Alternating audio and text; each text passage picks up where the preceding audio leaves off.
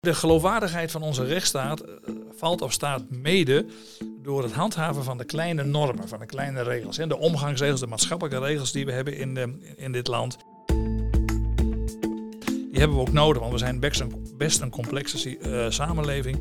En dan heb je omgangsregels met elkaar afgesproken. En die moet je ook handhaven. En daarom is het ook van groot belang dat je die regels ook handhaaft. Want dat geeft ook vertrouwen aan de burgers van kijk, er wordt wel degelijk gelet op die kleine overtreding. En als dat fout gaat, als die overtreding wordt begaan, volgt een vervolging. En dat, is, dat, dat vind ik zelf persoonlijk heel erg belangrijk.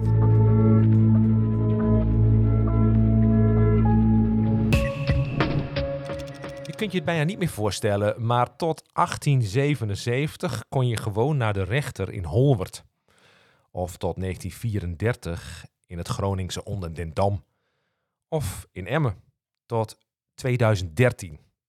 Welkom bij aflevering 4 van Dossier Noord over de kantonrechter en het strafrecht. Tegenwoordig kun je niet naar al die rechtbanken meer. Het zijn er nog maar drie. Drie kantongerechten. Ze zitten in Assen, Groningen en Leeuwarden. En die rechters behandelen overtredingen, geen misdrijven. Daarbij moet je denken aan te hard rijden, aan vandalisme of een overtreding van de leerplichtwet. Een kind gaat langdurig niet naar school. Je kunt dus eigenlijk wel zeggen dat het zaken zijn waar iedereen in zijn of haar omgeving wel eens mee te maken krijgt. En daar gaan we het over hebben en over het belang van die rechtspraak. We zijn in Leeuwarden en ik heb twee mensen aan tafel. Mijn naam is Klaas Bunk. Ehm, strafrechter en in die hoedanigheid ook kantonstrafrechter. Ook aan tafel. Riemke van der Zee, ik ben adjunct-officier van justitie bij het uh, arrondissementspakket Noord-Nederland. En ik, Klaas-Jan Bos, ga met hen in gesprek over die kleine zaken die vaak een grote impact hebben. Ik kijk jullie allebei aan. Uh, maar vooral nu even uh, Klaas. mogen jullie jij zeggen trouwens? Wat mij betreft wel. Zeker, ja. Heel goed. Um, wat is een kantonrechter?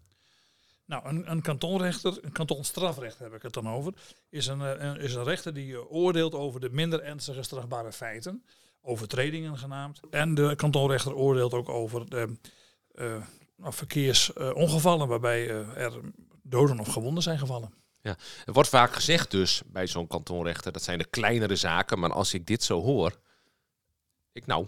Nou, het, het, kunnen, het kunnen best hele nou, eh, ingrijpende overtredingen zijn. Hè, zeker met name als het gaat om verkeersongevallen.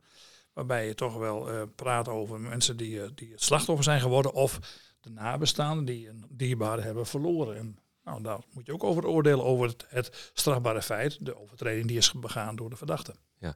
Uh, Riemke, kun jij dat uitleggen? Want uh, bij de, ik, ik zie uh, verkeerszaken vaak hè, bij een, ook wel bij de grotere, meervoudige kamers. Hè. Ja. komt ook wel eens bij de politierechten, maar hier dus ook.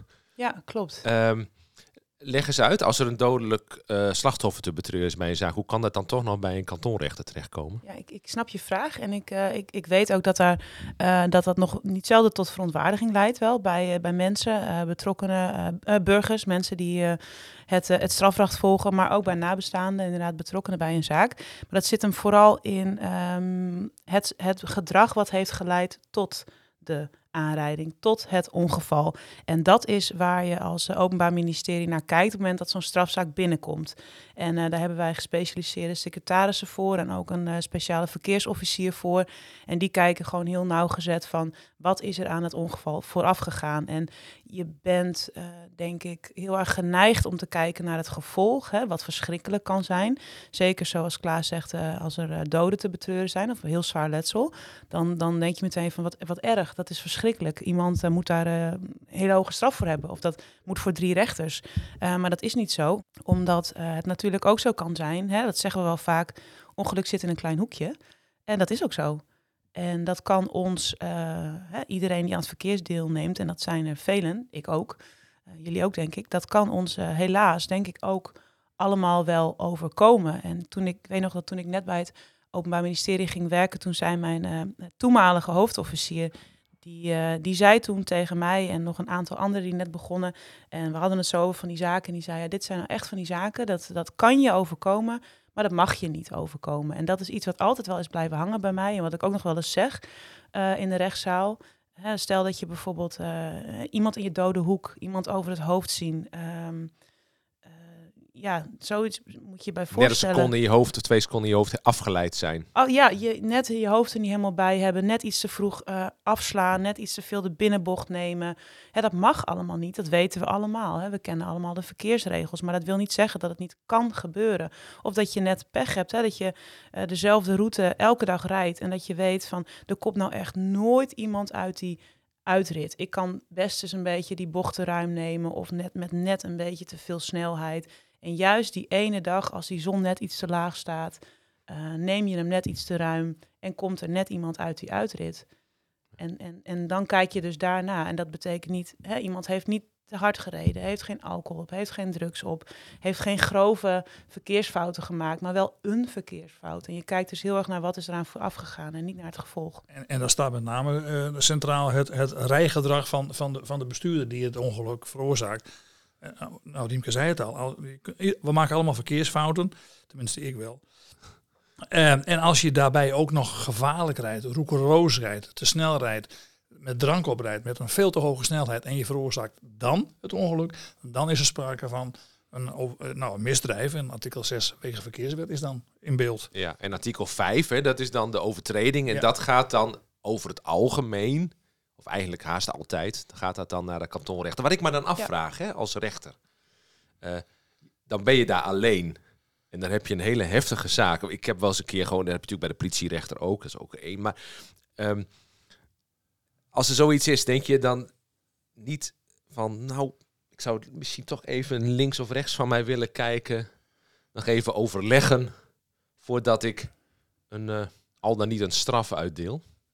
Nou nee, dat, dat, dat heb ik niet. Wat, wat je natuurlijk wel doet als je een dergelijke zaak uh, moet, moet, moet beoordelen, en dat doe je natuurlijk voor die tijd door het lezen van het procesverbaal en de verklaringen die zijn afgelegd in het procesverbaal. Daarbij ontstaat bij jezelf een beeld. En dat beeld uh, bouwt zich zo heel langzaam aan de hand op.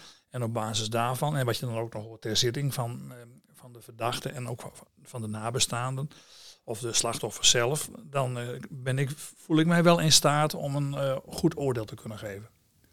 Een palet aan soorten zaken komen af op officier van justitie Riemke van der Zee en rechter Klaas Bunk. Gevraagd naar welke soort zitting Bunk het meest bijblijft, dan is hij vrij stellig. Wat mij als eerste bij me boven komt is het onverzekerd rijden. Dat heeft natuurlijk wel weer met verkeer te maken. Ik noem dat een asociaal uh, verkeersovertreding, omdat mensen daarmee andere mensen financieel erg in de problemen kunnen, uh, kunnen brengen. Um, het rijden zonder rijbewijs, wat helaas ook nog met enige regelmaat voorkomt. Maar als ik het vanuit een hele andere kant zie, bijvoorbeeld um, het overtreden van de leerplichtwet. Als je mensen, die, kinderen dan, die uh, uh, zeg maar, gedurende lange tijd spijbelen, en dan heb je niet over één of twee dagen, maar over weken of maanden soms, ook die uh, overtredingen die komen bij de kantonrechter. En dan praat je dus over een hele andere problematiek dan bij verkeersovertredingen. Ik vind ze vaak heel schrijnend.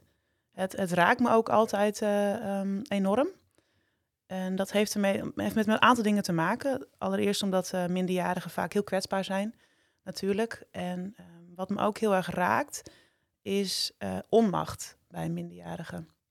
Dat, dat vind ik altijd moeilijk wel om te zien, omdat het ook vaak dingen zijn waar zij niet per se zelf iets aan kunnen doen. Hè, niemand, niemand die kiest waar hij of zij geboren wordt. En als ik dan lees wat de Raad van de Kinderbescherming, die maakt altijd adviesrapporten voor zulke zaken. Die schrijven ze van tevoren en die lees je dan. En uh, daar ben je doorgaans ook meer tijd mee kwijt aan het lezen van zo'n dossier, want die zijn vaak niet zo ingewikkeld. Hè. Het gaat om spijbelen, nou dat staat eigenlijk altijd wel vast. Um, en, en de inhoud van die dossiers van de Raad van de Kinderbescherming, ja, die zijn uh, vaak best wel schrijnend. En um, wat ik er heel mooi aan vind, en dat is ook de reden dat ik het ook heel graag doe, dat is de keerzijde. Uh, de, wat ik hier mooi aan vind, is dat je dan met een bepaald beeld naar zitting gaat van, uh, oh jeetje, en uh, dit is hij of zij, en het gaat zo slecht, en hier om, om deze en deze reden gaat hij of zij een tijd niet naar school. Wat kunnen we er nou aan doen? En ook daarin adviseert de Raad van de Kinderbescherming trouwens. En, en dat zo'n jongen of meisje dan voor je zit en opeens met een hele grote big smile vertelt wat er, dat het nu echt super goed gaat. En dan, eh, en dan denk je van, hè, maar hoe kan het nou? Ik had toch dat rapport en het is toch nog maar een maand oud of zo. Maar een maand in, in, een, in, in een kindertijd is, is heel veel als je het afzet tegen wat wij een maand vinden. En dan kan er soms zoveel gebeuren in zulke korte tijd. En eh, het is bijna nooit onwil, wat ik zei. Het is bijna altijd onmacht. En dat vind ik altijd heel schrijnend. Want ik kan me voorstellen, dat geldt voor jou, ook voor jou Klaas, dat je probeert die, die kinderen, het zijn Ja. kinderen, Ja. echt te bereiken op zo'n Ja. zitting. Dat je, dat, dat je, dat je ze, ze raakt, dat je ze laat voelen. Ja. Iets. En je, je moet ook, ook eh, vooral niet met dat vingertje omhoog zitten. Je, je, je- je probeert om te beginnen begrip te tonen voor hun situatie waarin ze zich bevinden. Eh, en die blijkt ook vaak wel uit het dossier, zeker uit het rapport van de Raad voor de Kinderbescherming. En daar zit vaak heel veel problematiek achter. Maar wat je graag wilt, graag duidelijk wil maken, en dat, dat lukt niet altijd hoor. Dat ehm, het, niet naar school gaan de oplossing niet is. Dat, dat het naar school gaan en misschien wel met vallen en opstaan, dat dat eh, meer eh, ehm, zekerheid biedt, ook voor de toekomst, eh, om, eh, om, om een leuke baan te krijgen, om, om na behalen van een diploma een leuke baan te krijgen. En op, op die manier toch je leven inhoud te geven. Je, je moet, om te beginnen, ook als je deze jongelui voor je ziet, eh, niet praten over schande of wat dan ook maar. Maar je pro- probeert begrip te tonen voor hen, zonder dat je zegt, ik ben het eh, wel met je eens dat je spijbelt. Nee, dat, dat vind ik dus niet. Maar je probeert wel met het, zoeken naar een oplossing, naar het zoeken van een goede straf, te, te bevorderen dat deze persoon weer naar de, weer naar de eh, school gaat. Eh, Maar wa- wat voor straffen worden daar? Waar, moet, waar moeten mensen aan denken bij, bij, zo'n bij van die leerplichtzaken als iemand twee maanden niet naar school is geweest? Wat, wat, wat, Ja, wat- bij leerplicht is het eigenlijk altijd eh, taakstraffen en bijna altijd eh, voorwaardelijk. Zodat je aan die eh, voorwaardelijke straf kan je dan een soort van verplichte, ja, bijzondere voorwaarden, verplichte hulpverlening koppelen. Je- Jeugdreclassering, hè, Ja, om, om wat ja. te noemen. En dan krijgen ze vaak nou, een steuntje in de rug, verplichte hulpverlening, iemand die naast hun staat, iemand die hen helpt, die hen eh, eh, begeleidt.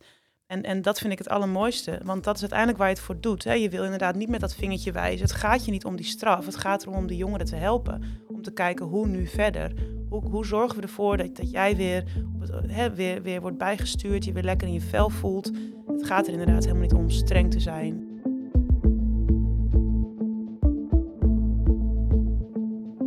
Luistert naar Dossier Noord, de podcast van het Openbaar Ministerie in Noord-Nederland. In zijn algemeenheid eh, kan ik wel zeggen dat ik kantonzittingen heel erg leuk vind om te doen, omdat het echt een aparte tak van sport is. Het is echt heel anders dan een politierechterzitting. En het zijn inderdaad altijd overtredingen. En het zijn van die overtredingen waarvan je denkt, het staat net wat dichter bij je of zo. Het is uit het leven gegrepen. Je Het hebt kent de menselijke maat. ja, je hebt mensen voor je zitten dat je denkt, ach, eh, eh, nou, ik had het soms kunnen zijn, of mijn buurman, of eh, weet ik veel, iemand die je kent. Ehm, het, het zijn geen criminelen, absoluut niet. Het zijn geen mensen met kwade intenties. Het zijn mensen die hun vuilnis verkeerd hebben neergezet, of een keer te hard hebben gereden, of een keer hebben wild geplast of zo. Dat, en, en, of hun hond niet hebben aangelijnd. En dat vind ik soms ook wel echt ontzettend leuk om mee te maken, want die mensen komen vaak naar zitting. Dat zijn vaak geen verstekvonnissen, want die hebben een heel verhaal. Die, die zijn principieel, die gaan in verzet tegen een boete die ze hebben gekregen bijvoorbeeld. En dan komt er een heel verhaal achter van, ja, ik weet ook wel dat het niet mag, maar. En die maar is dan heel interessant. En dan kom je tot een goed gesprek. En, en dat vind ik gewoon ontzettend leuk. En ik kan me ook nog een, een zaak herinneren. Ik denk zelfs ook dat het met Klaas was, eh, van dat we ons ook moesten eh, gaan buigen over een eh, over het binnenvaartpolitiereglement. En dat is ook iets wat je niet dagelijks eh, ziet. Nee. dus daar moet je dan wel even induiken. Het zijn En- overtredingen op het water. Die op Ja. Ja, ja, ja. ja, een beetje de wegenverkeerswet van het water inderdaad. En toen moest het gaan over, ehm, over eh, reddingsschepen en hoe snel die mochten varen, onder welke voorwaarden, onder welk stuk van de Waddenzee. En dat eh, bleek nog best wel een eh, interessante, maar ook niet gemakkelijke eh, materie. Dus dat was wel, eh, dat was wel, eh, dat was eh, geinig om te doen. Of geinig interessant. Interessant is Interessant. Ja, en Ja. We, we moeten ons ook realiseren dat er best heel veel eh, over- overtredingen zijn die in, zijn, eh, in zijn beoordeling ook best ingewikkeld zijn. Hè. Rimke noemde nu al, eh, al het binnenvaartpolitiereglement, maar ook algemene politieverordeningen. Dat zijn soms best gecompliceerde eh, verordeningen waar je echt even eh, goed naar moet lezen en goed over moet nadenken wat je, wat je ermee moet. Maar, eh, en Riemke zei dat ook, en daar ben ik het helemaal mee eens, het heeft een menselijke maat. Het is Het, zijn mensen die hun, hun verhaal willen doen. En ook al ben je het er niet mee eens, je kunt er op zijn minst naar luisteren. En je kunt ze daarin ook serieus nemen. En serieus nemen betekent niet ze gelijk geven, maar wel luisteren en proberen als je tot een ander oordeel komt, uitleggen waarom je tot een ander oordeel komt. Maar ik kan me ook zo voorstellen dat je op zulke zittingen, dat daar het vertrouwen in de rechtsstaat ook begint. Dus als mensen die daar niet vaak komen en daar eens een keer mee te maken krijgen en zien dat dingen heel zorgvuldig worden gedaan, dat je wellicht daar Nou ja, wat, dat is, ik zou bijna zeggen, een stokpaard van mij dan. Eh, ik, de, de, Ik de- zei het ook niet voor niets hoor. de, geloofwaardigheid van onze rechtsstaat eh, valt of staat mede door het handhaven van de kleine normen, van de kleine regels. En de omgangsregels, de maatschappelijke regels die we hebben in, de, in dit land, die hebben we ook nodig. Want we zijn best een, best een complexe eh, samenleving. En dan heb je omgangsregels met elkaar afgesproken. En die moet je ook handhaven. En daarom is het ook van groot belang dat je die regels ook handhaaft. Want dat geeft ook vertrouwen aan de burgers van kijk, er wordt wel degelijk gelet op die kleine overtreding. En als dat fout gaat, als die overtreding wordt begaan, vol- volgt een vervolging. En dat, is, dat, dat vind ik zelf persoonlijk heel erg belangrijk. De kantonrechter bestaat sinds de 19e eeuw. Ooit waren er 21 kantongerechten in Noord-Nederland, maar dat werd in de loop van de tijd minder en minder. Aan het einde van de vorige eeuw telde het Noorden nog maar een tiental kantongerechten. Er is een kantonrechtspraak, dat is een laagdrempelige rechtspraak verspreid over het hele land. Eh, maar met ingang van 2002 hebben ze gezegd dat gaan we veranderen. We brengen de kantonrechtspraak onder bij de rechtbanken. Dus alle kantongerechten, en er waren er 61 in, eh, in Nederland, die, eh, die, die heffen we op. Eh, dat waren vaak aparte gebouwen, verspreid over de provincie. En dat hebben we ook in het noorden gedaan. En we hadden hier in totaal een, stuk of elf eh, kantongerechten. Hè, Friesland, eh, Groningen en, en, en- en Drenthe. En die zijn allemaal ondergebracht bij de rechtbanken. En dat betekent dat dus de, de, de, de, de, plaats van de, van de kantonrechten in de samenleving is daarmee veranderd. We, het gaat nu allemaal naar Leeuwarden, als ik het even over Leeuwarden heb.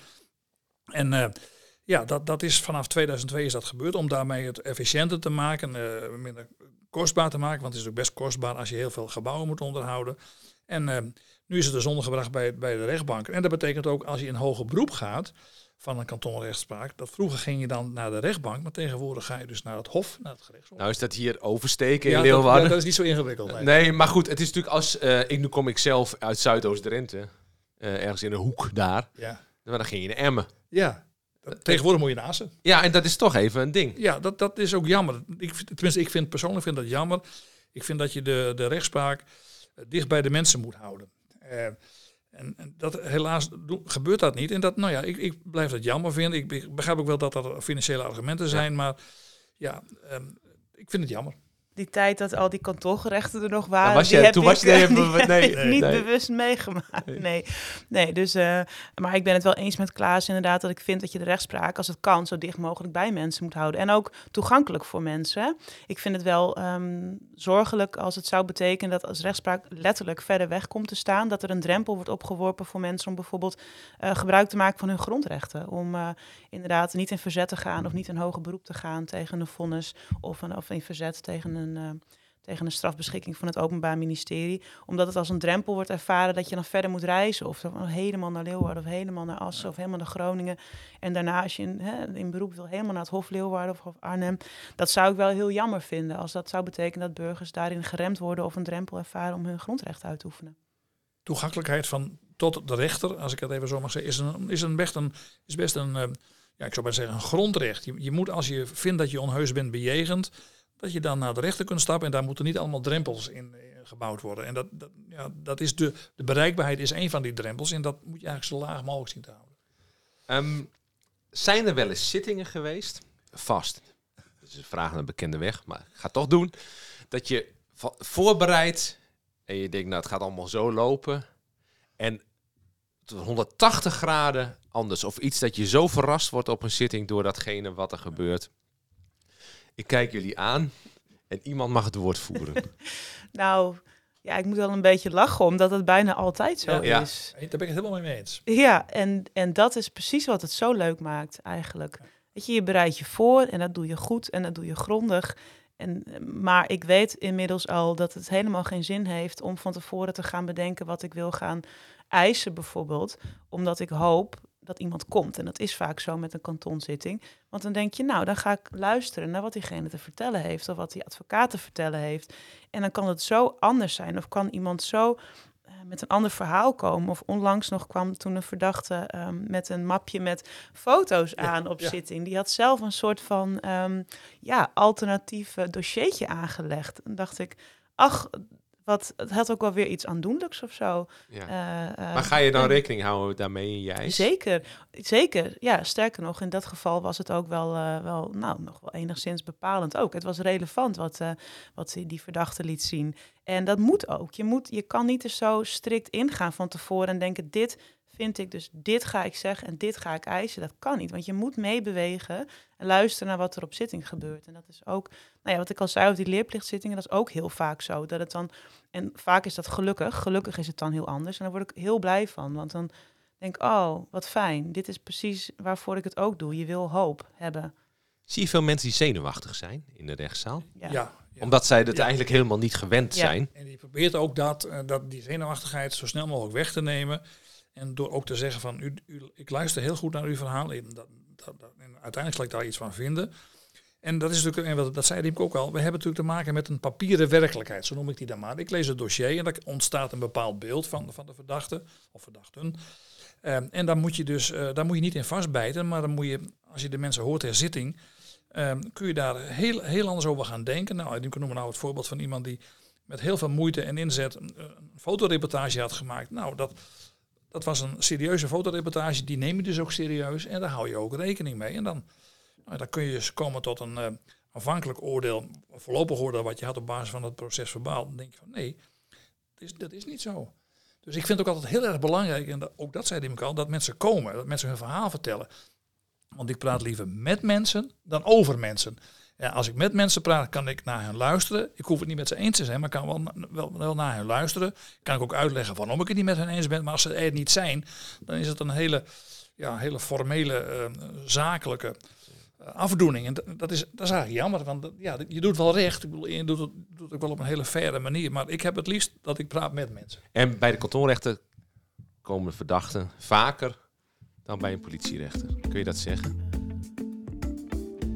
We- Dat weet ik niet, maar ze komen wel vaker wel dan niet. Ja. Dat is mijn eh, ervaring, ja.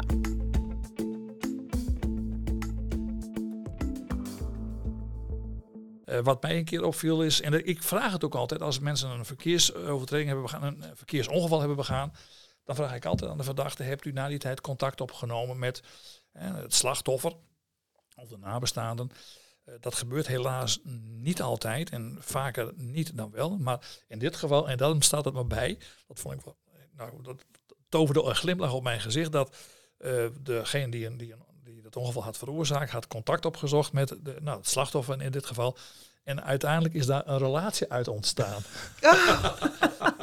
Serieus? Ja, dat vertelde hij ook uh, ter zitting. Hè, dat hij, eh, nou, ja, had, hij had, eh, hij had een verkeersovertreding gemaakt, ook een ernstige verkeersovertreding gemaakt. Had tijd ook contact gezocht. En dat contact, dat, nou ja, dat verdiepte zich wat.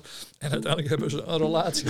Ja, zo kun je dus ook met de zaak omgaan. Helaas, dat zijn het uitzonderingen. Ja, dat is, dat, dat is wat anders dan Tinder. Hè? ja. Nou,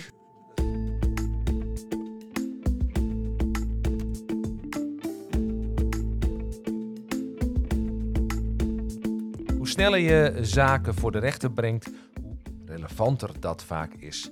Toch duurt het brengen van een zaak voor de rechter vaak nog te lang. En dat steekt Klaas Bunk. De vervolging moet starten binnen drie jaar nadat het feit is gepleegd. En dat is natuurlijk al best heel lang, want op een gegeven moment zakt dat ook weg. Eh, en dan moet het dus nog weer een hele tijd voordat de rechter, als het al bij de, rechter, bij de kantonrechter, strafrechter komt, moet, moet je daar nou over, over oordelen. En dat is jammer. Eh, en we zijn helaas, moet ik zeggen, ook in Nederland nog steeds niet in staat om, om die tijd te verkorten, veel, veel minder groot te maken. Ik begrijp ook best dat het niet van de ene op de andere dag kan. Dat is ook heel goed voorstelbaar. Maar een groot tijdsverloop is voor, niem, is voor is in niemands belang. Niet in het belang van de verdachte, niet in het belang van de eventuele slachtoffers. Eh, en dat is jammer. Maar goed, ehm, we, we moeten op dit moment roeien met de riemen die we hebben. We hebben grote automatiseringsprojecten gehad in Nederland. En die, die hebben het in ieder geval niet, niet, niet langer laten maken. Maar we zijn nog, vind ik, nog lang niet op de plek waar we moeten zijn. Namelijk dat het eh, op een redelijk korte termijn gebeurt. Dat vind ik heel jammer. En, en hoe, en hoe kleiner de overtreding en hoe langer het duurt, hoe, hoe irrelevanter het vaak wordt. Ja, hè? en, wat- en wat voor impact heeft wat? En dan moet je natuurlijk ook nog bedenken, tenminste ook de officier, maar ook de, de rechter. Ja, als iemand na zoveel tijd pas bij, bij jou komt om zich te verantwoorden, wat voor straf moet je dan eisen en wat voor straf moet je dan opleggen? Wat, wat, wat, voegt, dat, wat voegt een straf dan nog toe? Hoe dan ook, straffen worden opgelegd. Bij de kantonrechter gaat het niet om langdurige celstraffen en TBS. De strafnorm ligt over het algemeen een stuk lager. Ehm, ik geloof dat de grens eh, nou zo langzamerhand wel bij, de, bij een jaar ligt.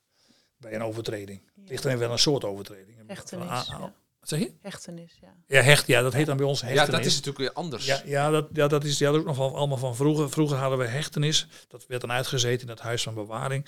Maar dat, dat bestaat tegenwoordig is het gewoon ja, gevangenisstraf. Ja.